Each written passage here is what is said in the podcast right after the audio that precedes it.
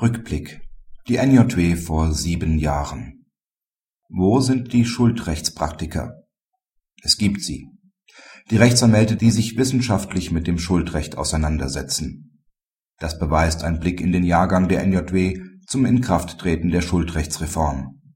Die Herren Schutnagis, Steck bzw. Kirsch, die sich mit den Auswirkungen der Schuldrechtsreform auf das Werkvertragsrecht NJW 2002 Seite 396, das HGB NJW 2002 Seite 3201 beziehungsweise für die Unternehmen NJW 2002 Seite 2520 befassten, waren, zumindest zum damaligen Zeitpunkt, Robenträger.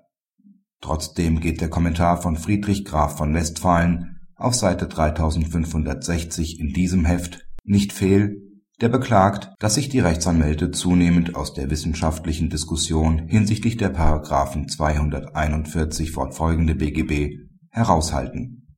Auch in der NJW sind es zumeist ausgewiesene Wissenschaftler, die über die Fortentwicklung des Schuldrechts debattieren. Das soll aber nicht heißen, dass die NJW Praktiker nicht zu Wort kommen lässt.